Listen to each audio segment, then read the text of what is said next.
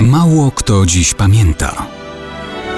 Datownik historyczny prezentuje Maciej Korkuć.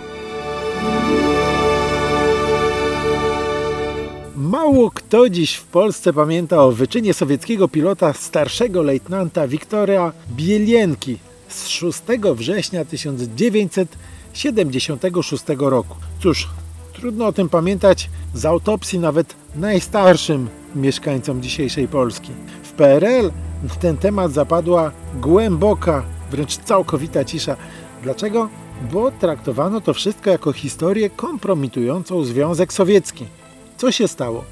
Otóż starszy lejtnant Bielienko latał najnowszymi wówczas samolotami wojskowymi MiG-25P.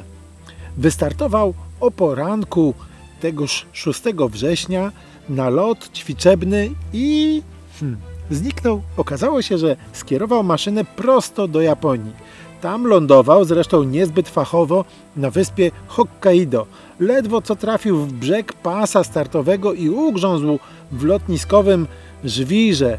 Po różnych nieporozumieniach spowodowanych brakiem językowych możliwości komunikacyjnych został rozbrojony, skuty i zabrany przez policję. Moskwa zażądała natychmiastowego zwrotu samolotu, no i oczywiście pilota. Japończycy nie byli zainteresowani konfliktem dyplomatycznym ze Związkiem Sowieckim. To były czasy tak zwanego odprężenia, detente w zimnej wojnie. Z drugiej strony było jasne, że deportacja Bilienki do Sowietów to dla niego pewna śmierć. A i przepatrzenie nowoczesnego samolotu przez specjalistów z USA to prawdziwa gratka. Stąd Japończycy pozornie postawili Bielience zarzuty karne i musieli go sądzić, a samolot tymczasowo trzymali jako dowód rzeczowy w procesie. Finalnie nie zrobiono mu krzywdy, a prezydent USA przyznał mu azyl polityczny. Prawdopodobnie ów Bielienko w spokoju żyje w Stanach do dzisiaj, a samolot? Samolot oddano, ale najpierw go dokładnie rozebrano na najmniejsze części.